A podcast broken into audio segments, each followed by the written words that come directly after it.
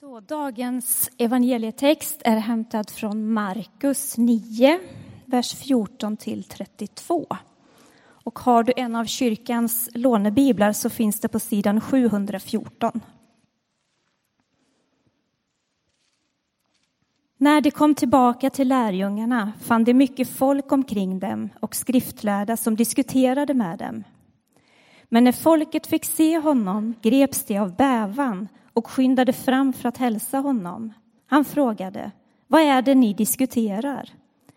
Mästare, svarade en i mängden, jag har kommit till dig med min son som har en stum ande. Var den än faller över honom kastar den omkull honom och han tuggar fradga och skär tänder och blir stel. Jag bad dina lärjungar driva ut den och de kunde inte. Han sa, detta släkte som inte vill tro. Hur länge måste jag vara hos er? Hur länge måste jag stå ut med er? För hit honom. Det kom fram med pojken och när han fick se Jesus började anden genast slita i honom så att han föll omkull och vältrade sig på marken med fradga kring munnen. Jesus frågade hans far hur länge har det varit så här med honom? Fadern svarade, sedan han var liten, och ofta har anden kastat honom både i eld och i vatten för att ta livet av honom. Men förbarma dig över oss och hjälp oss om du kan. Jesus sa, om jag kan. Allt är möjligt för den som tror. Då ropade pojkens far, jag tror, hjälp min otro. När Jesus såg att folk strömmade till sa han strängt till den orena anden. Du stumma och döva ande, jag befaller dig, far ut ur honom och kom aldrig mer tillbaka. Den gav till ett skrik och ryckte och slet i pojken och for så ut ur honom. Och pojken låg där så livlös att alla sa att han var död. Men Jesus tog hans hand och reste honom upp och han steg upp. När Jesus hade kommit hem och lärjungarna var ensamma med honom frågade de varför kunde vi inte driva ut den? Han svarade den sorten kan bara drivas ut med bön. Sedan gick de därifrån och vandrade genom Galileen. Han ville inte att det skulle bli känt eftersom han höll på att undervisa sina lärjungar. Han sa Människosonen skall överlämnas i människors händer och de kommer att döda honom och tre dagar efter sin död skall han uppstå. Men de förstod inte vad han menade och vågade inte fråga. Så lyder det heliga evangeliet. Lovad vare du, Kristus. Tack Gud för att vi inte står ensamma i mötet med det som gör oss maktlösa. Tack Herre för att du redan är igång och kämpar mot det som känns övermäktigt. Hjälp oss att tro på det. Amen.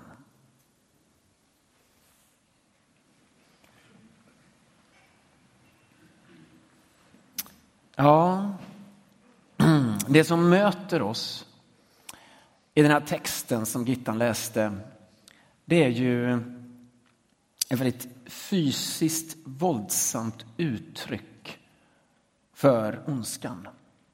En pojke som har varit fången under många år. Som har kastats in i eld och i vatten. Och som har stängts till blivit stel. Hans liv är liksom fråntaget honom. Han är fånge och förtryckt i sitt eget liv.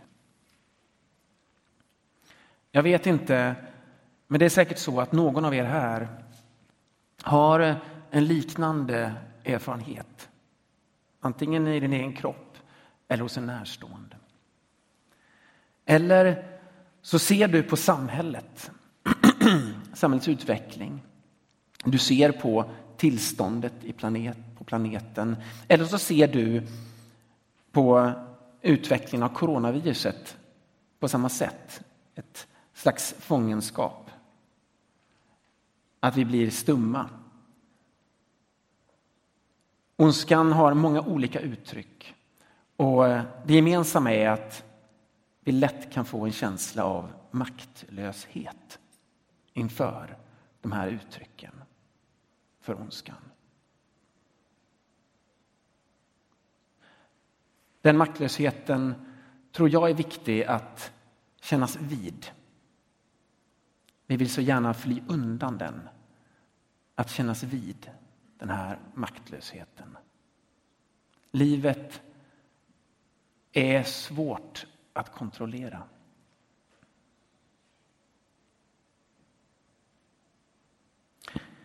Och eh, Det vi ser i texten är att pappan som är med om den här maktlösheten vänder sig till Jesus.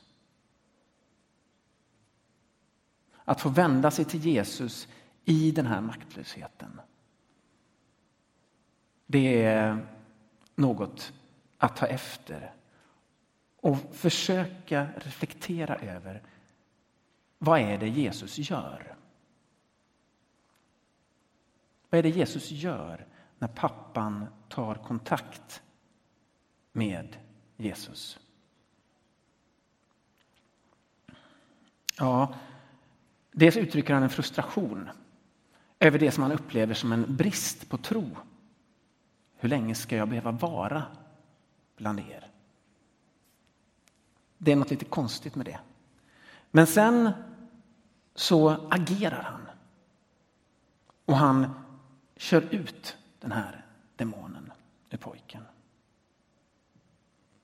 Och så ger han också ett visst recept på hur vi kan möta ondskan och kanske vår egen maktlöshet.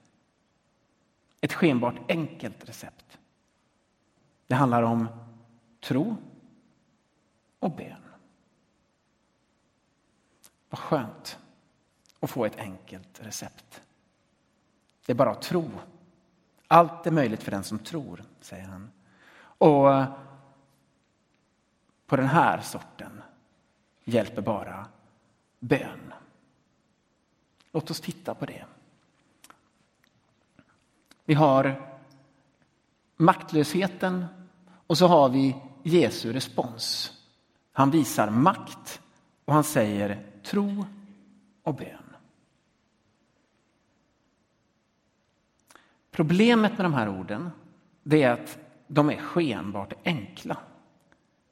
Tron och bönen kan leda våra tankar åt olika håll. Vi kan ha olika bilder av vad det här handlar om. Så därför så vill jag ägna en del av predikan åt att försöka packa upp de här och fundera på vad är det för slags verktyg som vi får i mötet med ondskan. Men innan dess så måste vi läsa varningstexten som hör till denna text.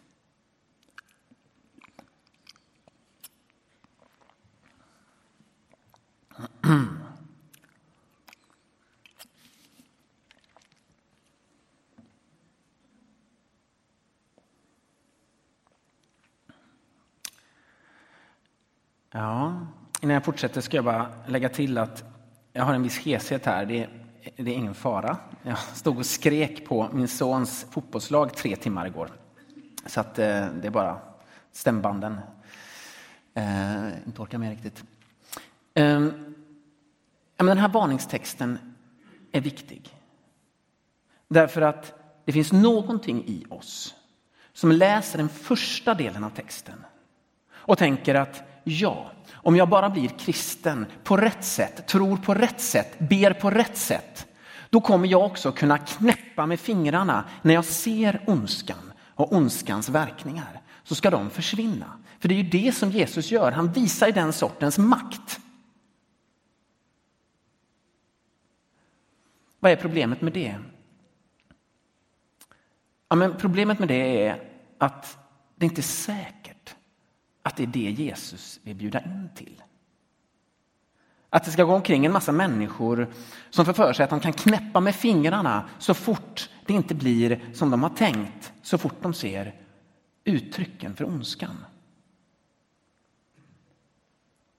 Nej, men det riskerar att förstärka ett behov som vi har av kontroll. Jag vet inte om ni följer Twitter eller Facebook, men i dessa tider så finns det ungefär en 4-5 miljoner epidemiologer som har expertkunskap om hur Sverige borde agera och som vet att det som Folkhälsomyndigheten gör eller Stefan Löfven gör, det är fel. Därför att det inte är tillräckligt mycket eller tillräckligt av någonting. Det är inget konstigt. Det är en naturlig reaktion. Men det är också uttryck för ett starkt kontrollbehov. Att det är jobbigt med maktlöshet inför det som vi inte kan kontrollera. Och hur vet jag att det inte är det som är tanken i den här texten, att vi ska få förstärkt kontrollbehov? Därför att den avslutas ju med att Jesus berättar för lärjungarna hur hans egen väg ser ut. Kommer ni ihåg de sista verserna? De sista verserna de handlar ju om en annan respons på ondskan. Nämligen korset. Där berättar Jesus om hur hans egen väg ser ut. Det är inte en väg som undviker ondskan eller som knäpper med fingrarna, utan han beskriver att han själv ska utlämnas och hamna i samma läge som pojken. Han själv ska vara den som förtrycks och fängslas och plågas. Det är korsets väg.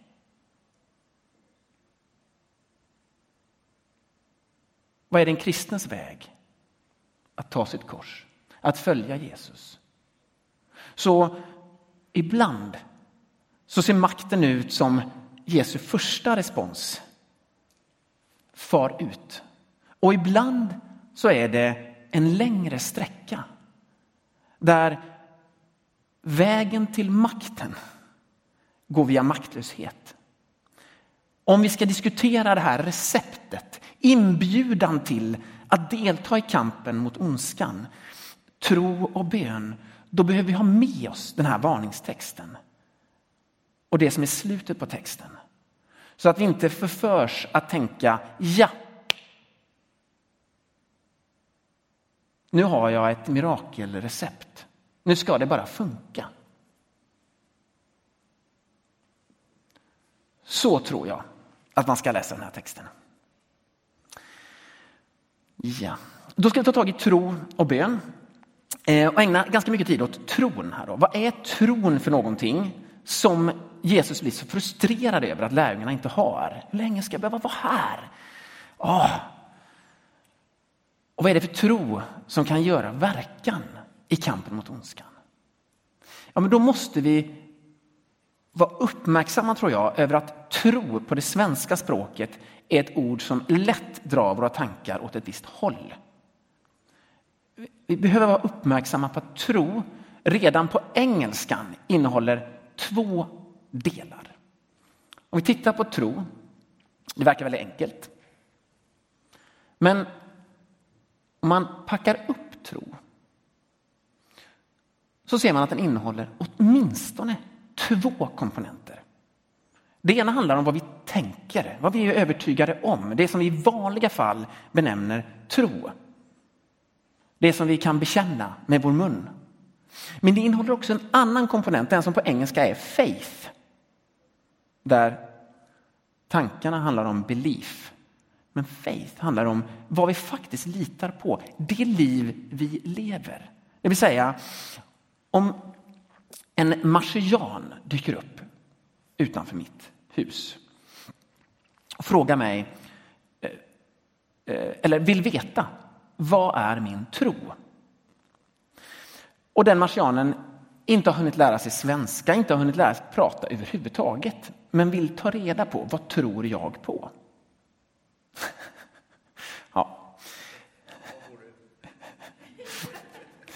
Eh, då eh, kan jag ju inte dra några snygga teologiska utläggningar. Jag kan ju inte förklara pedagogiskt med en powerpoint vad den kristna tron består i. Utan det enda jag har, det är mitt liv.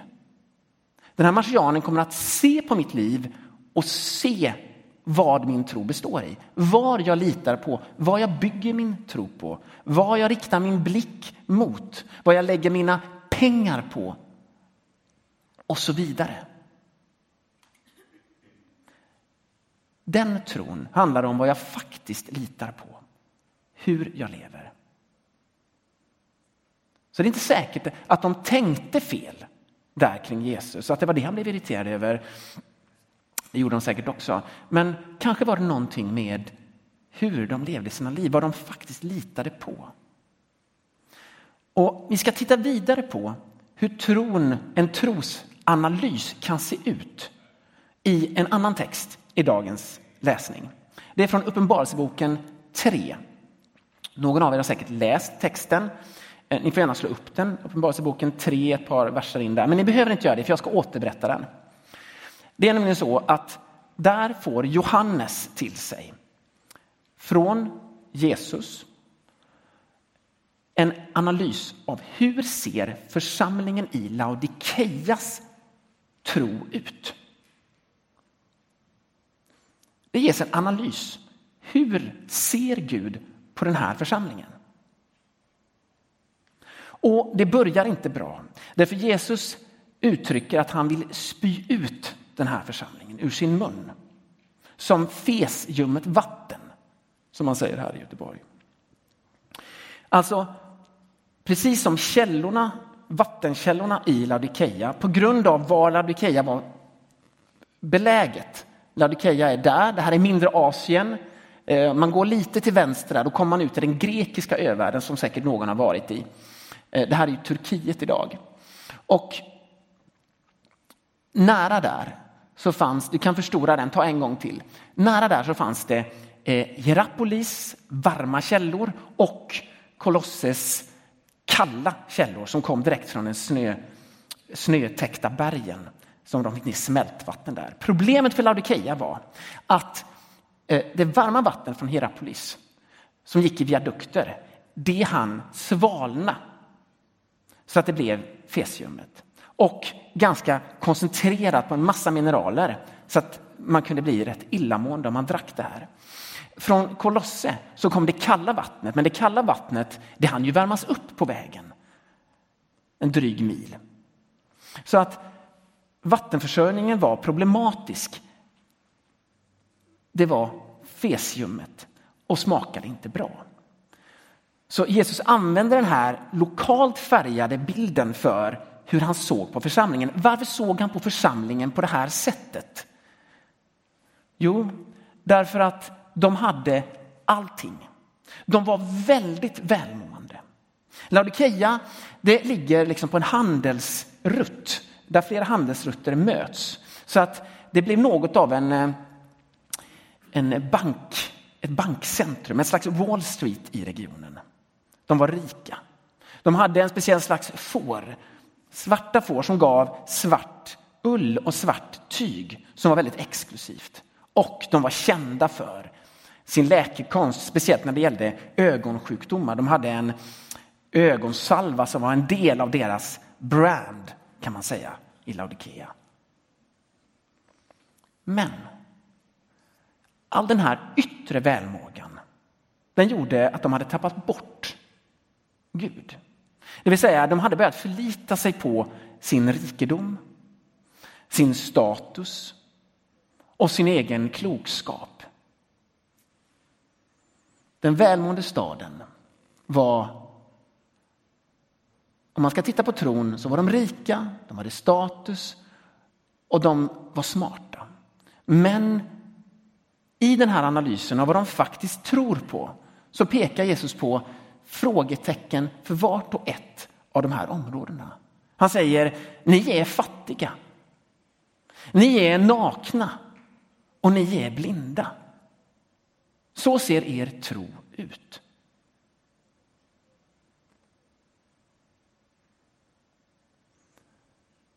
Varför är det här intressant? Är det för att peka finger åt Ladikeia? Eller är det så att den här texten finns i läsningen idag för att vi ska ställa oss frågan hur ser vår tro ut? Och kanske inte i första hand vad vi bekänner utan vad vi lever. Vad vi har vår uppmärksamhet på. Vad vi är oroliga för. Vad vi lägger våra pengar på.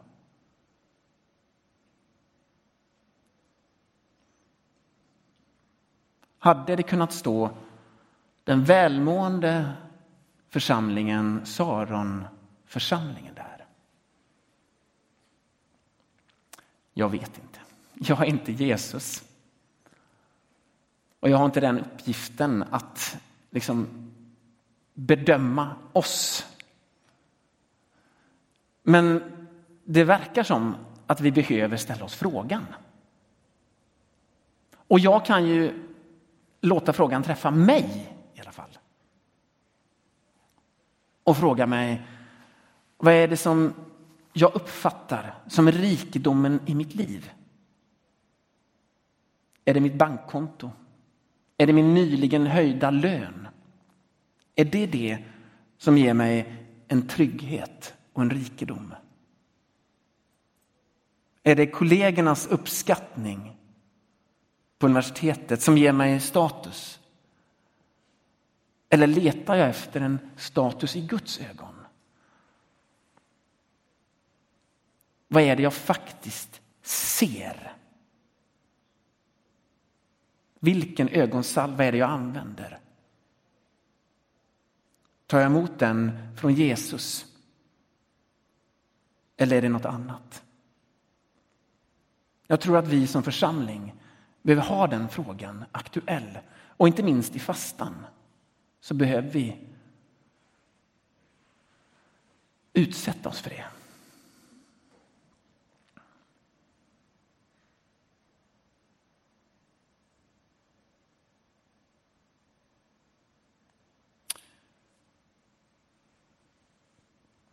Kan fortsätta en till. Gör detta dig modlös? Du kan ju sitta här som redan brottas med din tro, redan upplever att du har dåligt samvete för att du inte är tillräckligt god kristen. Du ser dina egna fel och brister allt för tydligt. Ja, men då är kanske inte den här texten i första hand riktad till dig. Den är ju riktad till några som tror sig vara välmående, som tror sig ha så mycket men som egentligen är blinda.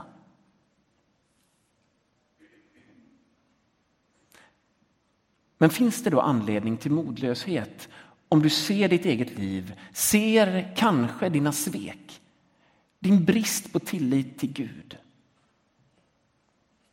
Finns det anledning till modlöshet på grund av en sån här text och de här orden? Jag tror inte det. Återigen, vi måste läsa till slutet av texterna. I de sista verserna här så kan man läsa, och nu läser jag med Eugene Petersons översättning. Den här tillrättavisningen är ett uttryck för kärlek. De som jag älskar tillrättavisar jag. Jag peppar dem, rättar dem och sporrar dem att göra sitt yttersta. Upp med dig då! Helt om, sätt fart mot Gud. Är du öppen för det? Eller är du som några killar i det fotbollslag som jag coachar? Jag coachar 11-12-åringar och har gjort det sedan de var sex. Och ni vet när de är sex år, då är det ju egentligen inte fotboll, utan då är det någon slags lek, sådär va? umgänge. Och man ska bara se till att de inte blir för arga på varandra. Och så är det som fotbollstränare att se till att de behåller någon slags kärlek till sporten. Men så har vi börjat känna nu på sistone att ja, nu börjar de bli 11-12 år och ibland så åker vi på ganska mycket stryk på matcherna.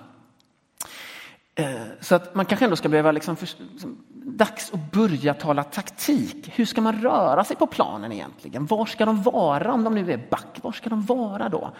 Så nu senast hade vi en träning och vi, vi tänkte att men nu, nu bryter vi av spelet med jämna mellanrum och berättar så där, va? nu är du på fel plats, du ska vara där.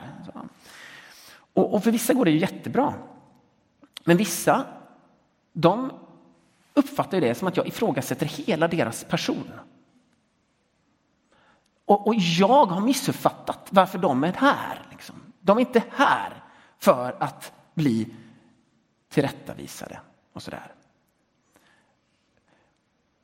Och, och då fick vi liksom berätta att amen, ni kan ju spela fotboll var som helst, men när ni kommer hit så är, finns det en möjlighet att lära er av fantastiska lärare som ser er liksom utifrån och som kan få er att bli bättre fotbollsspelare. Ja, så där gick det. Och jag tror inte bara det är de som har svårt att ta till sig när man försöker lära. Så, eh, det är svårt som människa att ta till sig. Är du bra på att ta till dig och lära dig? Att ta till dig tillrättavisningen, peppandet, rättandet och sätta fart åt rätt håll? Eller är det så att du vill fortsätta med ditt spel? Att du inte vill ha någon tränare där som hjälper dig att hitta var målet är? Du vill springa åt ditt eget håll. Jag försöker öva mig på detta och jag tycker alltid det är svårt. Men jag vill verkligen bli bra på att ta till mig tillrättavisningen. Så att jag springer åt rätt håll och hamnar på rätt del av planen och så vidare. Det här borde ju också kunna bli enklare med tanke på att det här fotbollslaget inte tränas av Mårten Sager eller någon annan människa. Utan tillrättavisningarna kommer från den här. Det kommer från källan själv. Källan är så nära. Den är en bön bort. Ett bibelord bort. En lovsång bort. Så nära. Och den källan, den är full av makt. Så här beskrivs källan. Så här beskrivs den som talar rösten till Laodikeia. Människosonen i prästskrud med gyllene bröstplåt och snövitt hår med lågande blick och fötter som glödgad brons. En röst som ett vattenfall och i högra handen sju stjärnor med en mun som skarpslipat svärd och ett ansikte som solen en högsommardag. Var inte rädd. Jag är först. Jag är sist. Jag lever. Jag dog, men jag är vid liv och mitt liv är evigt. Ser du nycklarna i min hand? De öppnar och stänger dödens dörrar. De öppnar och stänger helvetets portar. Det är den som vi har. Vi behöver inte fastna vid blicken på vår egen otillräcklighet eller våra egna svek. Källan är helt nära oss. Inte som för Laodikeia, för långt bort så att hettan liksom mister sin hetta och kylan och friskheten mister sin friskhet. Den är helt nära. Men för vissa av oss kanske den har hamnat ganska långt bort. Det händer mig regelbundet att källan hamnar långt bort. Den är helt nära. Känns det bra? Tror ni på detta? Kan ni leva på detta? Jag ska berätta för er någonting som gör det svårt för mig att leva detta.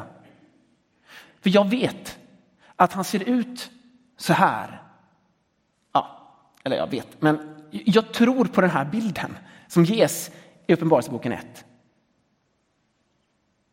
Men det som gör det svårt för mig gå in i kampen mot ondskan, att ställa mig på den här sidan. Det är att jag ser mitt eget liv alldeles för tydligt. Jag ser sveken. Jag ser hur jag gång på gång vänder mig till unkna källor istället för till den här. Så att jag börjar tro att det är ingen idé. Det är ingen idé. Jag har försökt, det är ingen idé. Jag är förlorad. Den här skärpan som kommer från honom är tillintetgörande. Jag står inte ut. Mitt liv håller inte måttet. Är det någon som har känt den känslan?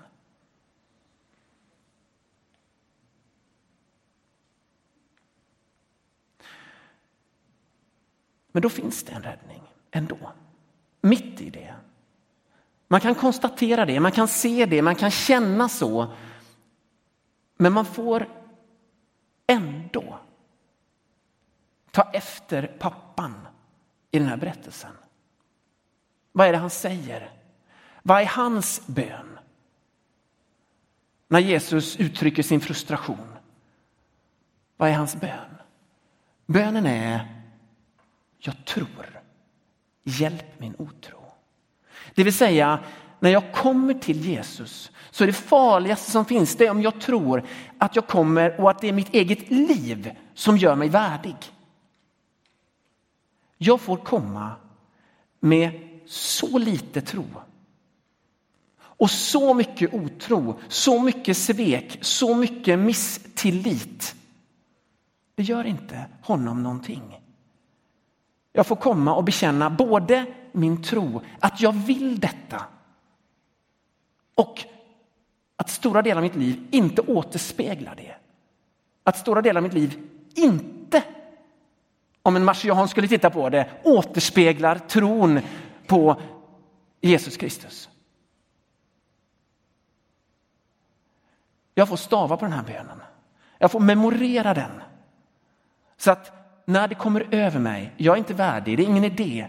Jag tror, hjälp min otro. Jag tror lite grann, jag vill tro lite grann. Hjälp mig i allt det som inte är tro. När jag går fram till nattvarden så behöver jag inte vara perfekt. Jag behöver inte ha en tro som täcker in allting. Jag får säga, jag vill. Hjälp min otro. När jag går fram och tänder ett ljus så måste jag inte liksom hålla med han som är ljuset i allt. Jag behöver inte känna att jag är där. Jag får sträcka fram ljuset. Det lilla ljuset jag tror så här mycket i alla fall, så att jag orkar det här. Hjälp min otro. Och så vidare.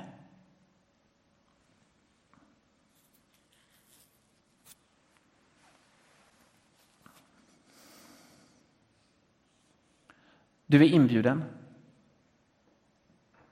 i kampen mot ondskan. Du är inbjuden när Gud sprider sitt rike, sin kärlek. Du behöver inte vara perfekt. Ditt liv kan vara kantat av svek, brist på tillit, brist på tro. Källan finns där, så nära.